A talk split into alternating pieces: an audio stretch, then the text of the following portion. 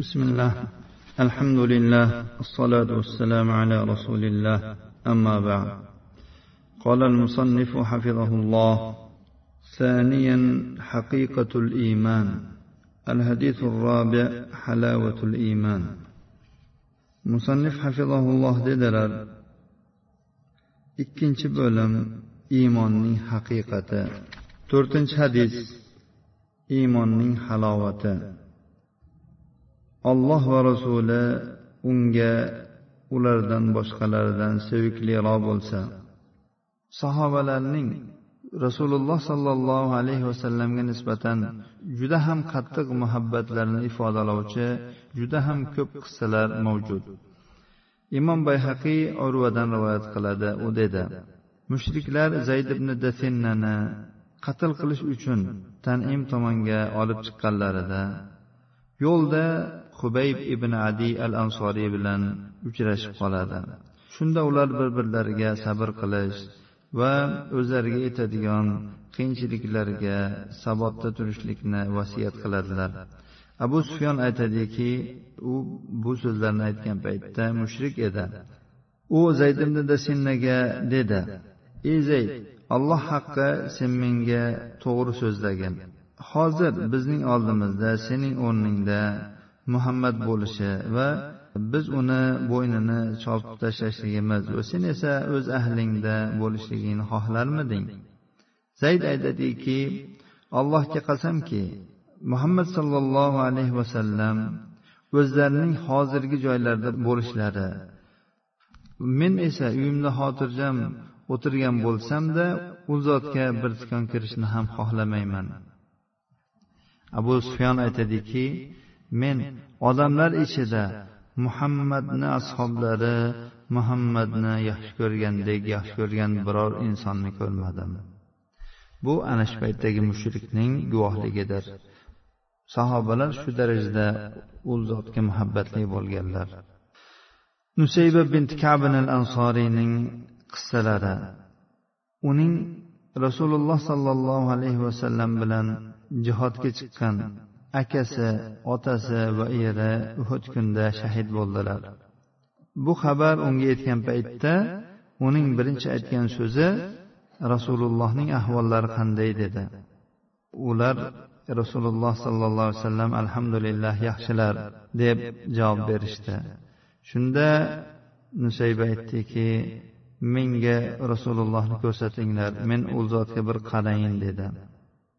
Nusayba rasululloh sollallohu alayhi vasallamni ko'rgan payt dedi sizning oldingizda har qancha musibat yengildir. Ya'ni siz salomat ekansiz har qancha musibat yengildir. Bu juda ham og'ir holat.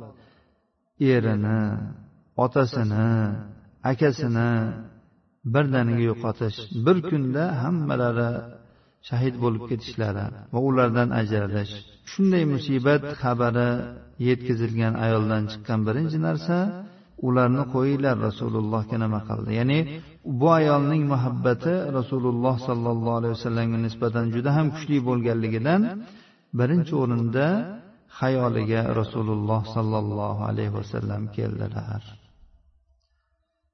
Alloh subhanahu va taolo mana shunday muhabbatni nasib qilsin. Ushbu aytib o'tganlarimiz olloh va rasuli kishiga ulardan boshqalardan ko'ra sevikliroq bo'lishi degan ma'noni tatbiqiy namunalari edi. Demak buning ma'nosi kimiki olloh subhanahu va taoloni yaxshi ko'rsa va rasulini qalbidan xolis yaxshi ko'rgan bo'lsa buning lozimi bu ikkisining nidolariga istijobat qilishidir. Chaqiriqlariga quloq solishidir. Va ularning buyruqlarini bajarishi ular chegaralab qo'ygan chegaralar oldida turishi undan esa o'tib ketmasligidir. Agar shundan boshqasini qiladigan bo'lsa u qilgan muhabbat davosida yolg'onchidir va iymon halqalarini uzuvchidir. Voqe guvohlik bermoqdaki kim kimni yaxshi ko'rgan bo'lsa albatta uni aytganini qiladi. Garchi u talab qilmasa ham. Agar talab qiladigan bo'lsa albatta u joni bilan uni aytganini bajaradi. Yoki u yaxshi ko'rgan narsalarni yaxshi ko'radi. U yaxshi ko'rgan masalan kiyimlar bo'ladimi boshqalar bo'ladimi shularni yaxshi ko'rib unga taqlid qiladi shu narsalarni. Unga ey sen falonchini yaxshi ko'rasan ekan shuni qilig'ini qilyapsan yoki kiyganini kiyyapsan desa yo'q men uni yaxshi ko'rganim uchun qilmayapman deydi. O'zini voqeasini inkor qiladi.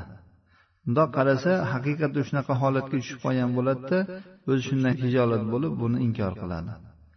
Uni qalbida o'sha odamni yoki ana shu insonni bir muhabbati chuqur o'rnashib ketgandan uni xursand qiladigan narsa buni ham xursand qiladigan bo'lib qolgan.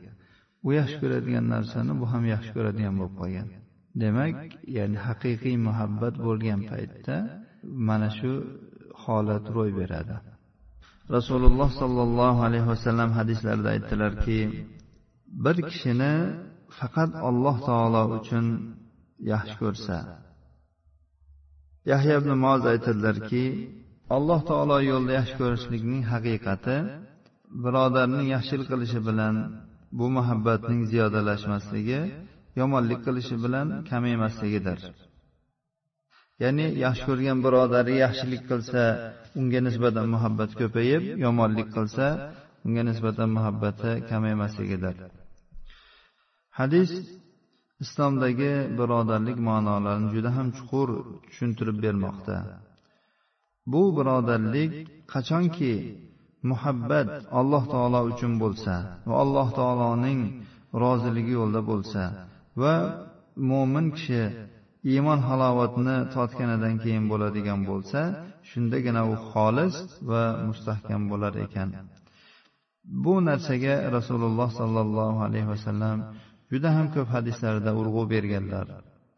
Anas roziyallohu anhudan rivoyat qilinadi. Nabiy sollallohu alayhi vasallam dedilar لا يؤمن أحدكم حتى يحب لأخيه ما يحب لنفسه sizlardan biringiz o'zi yaxshi ko'rgan narsani to birodariga ham yaxshi ko'rmaguncha to'la mo'min bo'lmaydi ya'ni o'zingizga bo'lishini xohlab turgan narsangiz bu nima bo'lishidan qat'iy nazar siz bir narsani birodarlaringiz o'rtasida o'zingizga bo'lishini xohlayapsiz buning endi misollari juda ham ko'p Ya'ni siz nimani ya'ni ko'pchilik o'rtasida ya'ni o'zingizga bo'lishini xohlayapsizmi? Shuni birodaringizga bo'lishini xohlamaguningizgacha iymoningiz to'la bo'lmaydi. Sodda bir misollar bilan tushuntiradigan bo'lsak masalan dasturxonda ikkita narsa turibdi. Bittasi yaxshiroq bittasi mundayroq. O'sha yaxshirog'ini berishingiz. Ikkita kosada ovqat turibdi. Bittasi go'shtliroq bittasi bundoqroq go'shtlirog'ini berishingiz. Mevalar ya'ni yaxshiroq chiroyliroq shirinroq meva turibdi mundoqroq turibdi shirinrog'ini unga ilinishingiz bu dunyoviy misollar. Endi uxroviy misollardan keltiradigan bo'lsak siz masalan bir amalni qilib jannatda bir martabaga erishmoqchisiz. Siz buni birodaringiz agar bilmayotgan bo'lsa unga ham bildiring toki u ham o'sha darajaga erishsin. Siz bir amalni qilyapsiz. Birodaringiz shuni bilmayapti. Uni ham yo'llab qo'ying shu narsaga. Toki u ham ya'ni shu narsaga erishsin. Siz faqat dunyoviy emas uxroviy narsalarda ham birodaringizga shu yaxshiliklarni ilining. Shu yaxshiliklar bilan uning darajasi ham yuqori bo'lishligini xohlang. Siz o'zingiz uchun shuni xohlayapsizmi? Demak birodarlaringizga ham shuni yetkazing.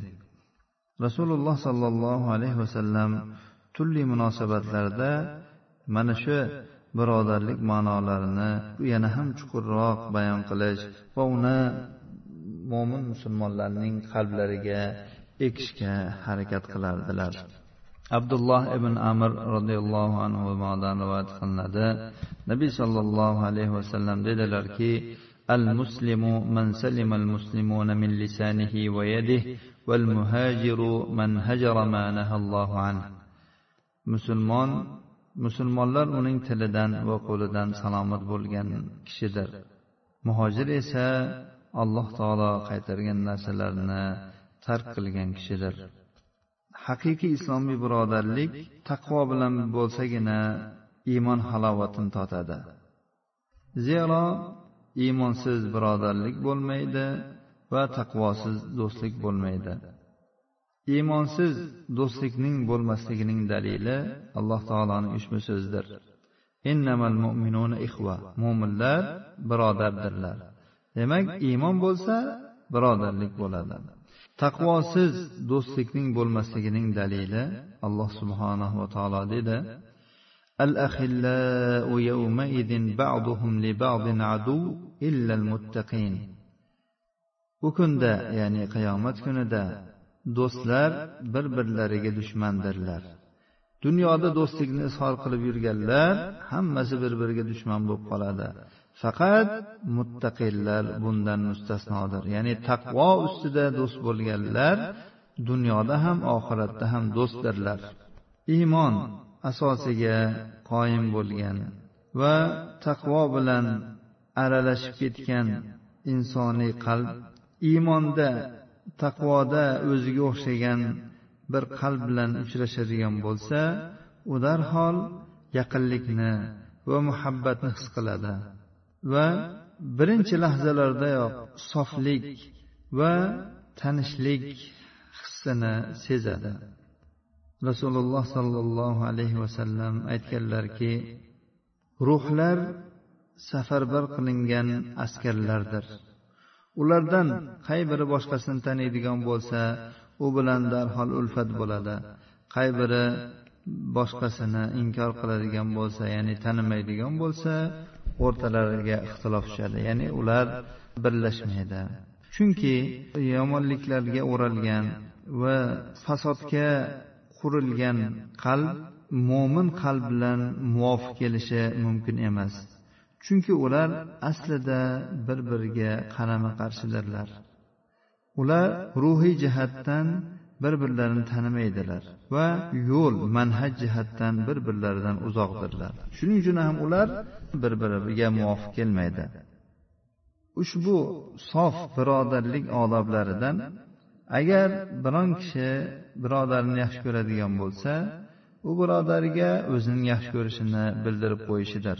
Bu haqda rasululloh sollallohu alayhi vasallamdan imom abu dovud va termiziylar hadis rivoyat qilganlar. Rasululloh sollallohu alayhi vasallam aytganlarki agar bir kishi birodarini yaxshi ko'radigan bo'lsa unga yaxshi ko'rishligini bildirib qo'ysin deganlar. Uchrashgan paytda iliq ko'rishish va tabassum qilish mana shu birodarlikni ziyodalashtiradi. Unga ravnaq va jamol kasb etadi. Rasululloh sollallohu alayhi vasallam aytganlarki birodaringizning yuziga tabassum qilishingiz sadaqadir. Rasululloh sollallohu alayhi vasallam iymon lazzatini totishning sabablaridan uchinchisini bayon qilib dedilar. Kishi kufrga qaytishni xuddi o'tga tashlanishni yomon ko'rgandek yomon ko'rishi. Bu qism alloh taolo yo'ldagi birodarlik tushunchalarini zikr qilinganidan va iymon halovatining tushunchalari sharh qilingandan keyin keldi. Chunki alloh azza va jallaga bo'lgan iymon qalblarga o'rnashgan paytda uning sohibi kufrning har qanday turidan nafratlanadi. Botilni har qanday ko'rinishini yomon ko'radi. Har qanday zalolatdan uzoqlashadi.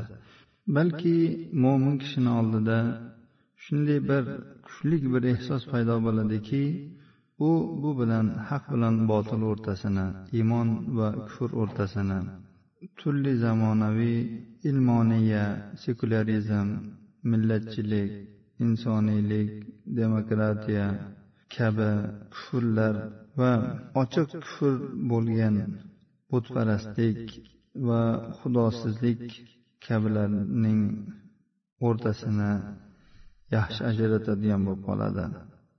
Bugungi kunimizda murtadlikning turli uslublari va turli tuman ko'rinishlari borki ularni ko'pchilik sodda insonlar anglab yetmaydilar. Bugungi kundagi murtadlik ko'rinishlaridan biri millatchilik shioridir.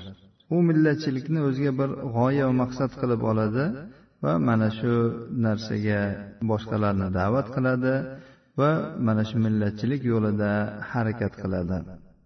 Bu shiorni musulmon o'lkalarida islom xilofati bekor qilinganidan keyin yahudlar ko'tarishgan. Ular buni nima uchun ko'tarishdi? Bundan maqsad turkiy arabiy kurdiy millatlar bir birlari bilan kurashishlari uchun va islomni davlatdan ajratish va islom shariatini hayot voqeligidan uzoqlashtirish uchun har bir millatchi o'z millatiga taassub qilishi va dindoshi va aqidadoshini uloqtirishi uchun bu shiorni ko'tarishdi. Demak millatchilikni asosiy g'oya qilib olib shuning uchun harakat qilish va shuni asosiy maqsad qilib olishlik islomdan chiqishga olib kelar ekan. Chunki muhabbat yaxshi ko'rish va yomon ko'rish din asosida bo'lishi kerak millat asosida emas.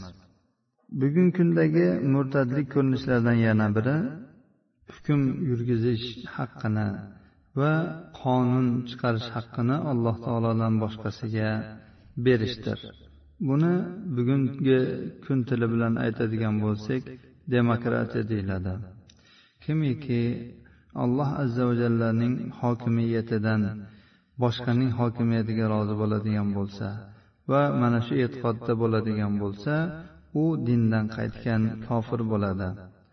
Chunki alloh subhanahu va taolo ochiq oydin oyatlarida aytdiki robbingizga qasamki ular sizni o'z o'rtalarida bo'lgan ishlarda hakam qilmagunlaricha so'ngra siz hukm qilgan narsadan qalblarida tanglik topmagunlarigacha va to'la taslim bo'lmagunlaricha ular mo'min bo'lmaydilar. Mo'min bo'lish yo bo'lmaslik? Bo'lmaslik deganda iymon undan nafiy bo'lyapti. Mo'min bo'lish bo'lmaslik shu rasululloh sollallohu alayhi vasallam olib kelgan shariat bilan hukm qilish va mana shu hukmga rozi bo'lish va unga to'la taslim bo'lish. Agar shundan boshqasi bo'ladigan bo'lsa u garchi iymonni davo qilsa ham unda iymon bo'lmaydi. Har bir iymonni davo qilgan odam mo'min bo'lavermaydi.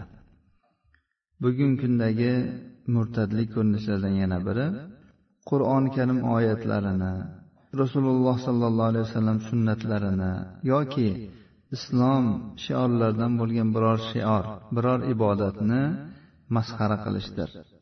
Salmon rushdiyga o'xshab oyat shaytoniya deb yozgan kitobida sunnat karimani masxara qilgani kabi. Salmon rushdiyning ishi ancha eskirib qolgan.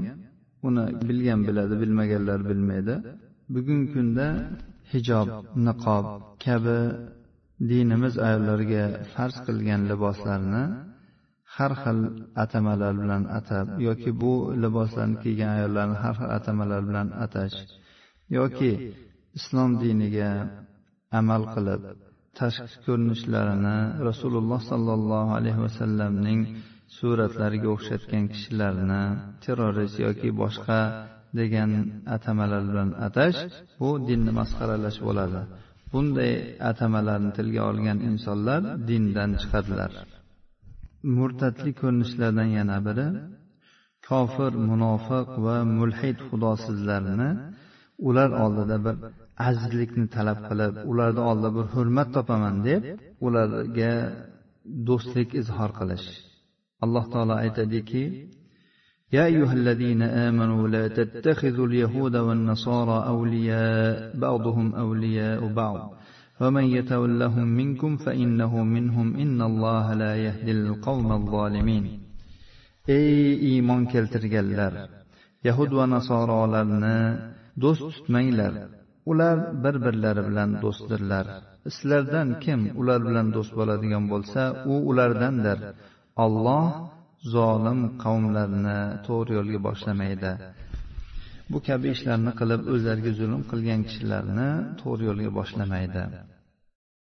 Murtadlik ko'rinishlardan yana biri alloh subhanahu va taoloni allohga loyiq bo'lmagan sifatlar bilan sifatlashdir. Ba'zi birlar aytadilarki alloh taolo jismlarga tushadi. Bu sufiylardan hululiyalarning e'tiqodlari. Ya'ni vahdatul vujud e'tiqoddagilarning e'tiqodi. Bu gapni gapirgan odam albatta kofir bo'ladi va adashgan bo'ladi zalolatdagi inson bo'ladi. Yoki gohlar aytadiki nasorolar u olloh uchtaning biridir. Yoki yahudlar aytgandek alloh taolo faqir muhtoj biz boylarmiz deb aytishadi. Ya'ni shunga o'xshash sifatlarni aytgan kishi albatta dindan qaytadi. gohlar dinlarni yaqinlashtirish degan ba'zi bir fikrlar bilan yoki dinni zamonaviylashtirish degan fikrlarni o'rtaga olib chiqib shunga o'xshash fikrlarga xayrxohlik bildirmoqdalar. mana shu xayrxohligini o'zi uni dindan chiqishiga kifoya qiladi. alloh subhanahu va taoloning zotida ham sifatlarida ham biror narsa allohga o'xshamaydi alloh subhanahu va taolo zamondan makondan va maxluqotlariga tushib ularga aralashib ketishdan va jism bo'lishdan pokdir. Makon deganimizda biz jihatni nazarda tutmayapmiz. Alloh taolo muayyan bir jihatda ya'ni yuqoridadir. Bu yerdagi makon deyilganda makonga muhtoj bo'lishdan pokligidir. Alloh subhanahu va taolo yakkalik yolg'izlik rububiyat va ulug'iyat bilan yakka yolg'izdir alloh subhanahu va taoloni ko'zlar ko'rolmas u ko'zlarni ko'rib turadi idrok qiladi va u marhamatlik va nozik ishlarni ham biluvchi bo'lgan xabardor zotdir alloh subhanahu va taologa o'xshaydigan biror narsa yo'q allohning mislidek biror narsa yo'qdir u zot eshituvchi va ko'ruvchidir. Alloh subhanahu va taolo tug'magan tug'ilmagan ham unga teng keladigan biror narsa ham yo'qdir. Murtadlik ko'rinishlardan yana biri islomning ba'zi ahkomlariga iymon keltirib ba'zi boshqalariga kofir bo'lishdir masalan aytadiki men islomni ibodat axloq dini deb iymon keltiraman lekin bu davlatni boshqarish uchun bir nizom bo'lishligi va hayot yo'li bo'lishligiga iymon keltirmayman. Men bunga kofirman. Ya'ni kofirman demaydi. Ya'ni men bunga ishonmayman. Hayotni kechirish uchun bundan ko'ra yaxshiroq yo'llar bor deydi. Hayotimiz ko'rkamroq yana ham chiroyli bo'lishi uchun boshqa bundan yaxshi nizomlar bor deb e'tiqod qiladi. islom haqidagi mana shu kabi tasavvur kishini murtadlikka olib keladi va uni kofirlar qatoriga qo'shib qo'yadi chunki alloh subhanahu va taolo baqara surasida aytganki أفتؤمنون ببعض الكتاب وتكفرون ببعض فما جزاء من يفعل ذلك منكم إلا خزي في الحياة الدنيا ويوم القيامة يردون إلى أشد العذاب sizlar kitobning ba'zisiga iymon keltirib ba'zisiga kofir bo'lasizlarmi? Sizlardan bu ishni qilganlarning jazosi dunyo hayotidagi xorlik qiyomat kunida esa juda ham qattiq azobga tortilajaklar bundan boshqa bir qancha botil e'tiqodlar va adashgan fikrlar ham borki ular o'z ashoblarini riddaga olib keladi murtadlikka olib keladi va ularni islom dinidan chiqarib yuboradi. Hadisdan oladigan foydalarimiz. Ushbu hadisda nabiy sollallohu alayhi vasallam ahabbu kalimasini ishlatdilar. Bu bilan u zot mo'min kishiga muhabbatning o'zi kifoya qilmasligi ya'ni haqiqiy muhabbat xislatini ro'yobga chiqarish uchun muhabbatni o'zi kifoya qilmasligi balki bu boshqa hamma muhabbatlardan ortiq bir muhabbat bo'lishini ta'kidladilar. Ya'ni odam o'zini yaxshi ko'rishi bolasini yaxshi ko'rishi xotinni yaxshi ko'rish molni yaxshi ko'rish shuhratni yaxshi ko'rish va hokazo muhabbatlarni hammasidan ustun bo'lish kerak ekanligini ta'kidladilar. Demak mana shu hislatni ro'yobga chiqarmoqchi bo'lgan mo'min kishi olloh va rasulining muhabbatini boshqa barcha turli muhabbatlardan ustun qo'yish kerak ekan. Iymonning ham xuddi hissiy halovat va lazzat kabi qalbda lazzati bo'lar ekan. Balki bu lazzat hissiy lazzatdan ko'ra g'olibroq ekan. Bu narsani bu narsani alloh subhanahu va taolo uning qalbini islomga ochib qo'ygan. Natijada esa fazilatlar bilan sifatlangan buyruqlarni bajargan va bu buyruqlarni boshqalarga ham yetkazgan va din qaytargan razilliklarni tashlagan va ulardan uzoq bo'lgan kishigina his qilar ekan. Mo'min kishi do'stligini alloh azza va jallaga qilishi alloh azza va jallani yaxshi ko'rishi va uning muhabbatini boshqa butun muhabbatlardan ustun qo'yishi lozim ekan. Chunki alloh subhanahu va taolo bu insonni xizmatiga butun koinotni bo'yinsundirib qo'ygan va bu insonni turli oshkoru maxfiy ne'matlarga burkab qo'ygan. Shuning uchun ham allohning buyrug'ini bajarish kerak. Chegaralar oldida to'xtash kerak. Aks holda u qilayotgan muhabbati davosida yolg'onchi bo'lib qoladi va iymon zanjirlarini uzgan bo'ladi. Mo'min kishi alloh taolodan keyin o'z muhabbatini va do'stligini nabiy sollallohu alayhi vasallamga beradi. Chunki u zot chiroyli namunadirlar va u zot olloh bergan omonatni ado qilganlar risolatni yetkazganlar ummatga chiroyli nasihat qilganlar va alloh subhanahu va taolo u zotni butun insoniyat uchun rahmat qilib yuborgan. Shuning uchun ham mo'min kishi rasululloh sollallohu alayhi vasallamni yaxshi ko'rishligi kerak. Agar mo'min kishi mana shu darajadagi alloh azza va jallaga va rasululloh sollallohu alayhi vasallamga nisbatan muhabbatda bo'lmas ekan u iymon halovatini hargiz totmaydi va uning ta'mi bilan lazzatlanmaydi. Biz sahobalarning qissalari va ularning hayotlarini o'rganishga naqadar muhtojmiz. Chunki ular haqiqatda rasululloh sollallohu alayhi vasallamni qattiq sevganlar. Va ular rasululloh sollallohu alayhi vasallamni o'zlaridan afzal ko'rardilar. Va rasululloh sollallohu alayhi vasallam yo'llarida hamma narsani qurbon qilardilar. Chunki ular iymon halovatini totgan edilar. Hadisning fiqhi. Biz bu hadisni fiqhida nimani tushunamiz? Mo'min kishiga iymon halovatini totishlik uchun harakat qilish mustahab amallardandir. Ya'ni buning hukmi nima deganda bu mustahabdir ya'ni sunnatdir.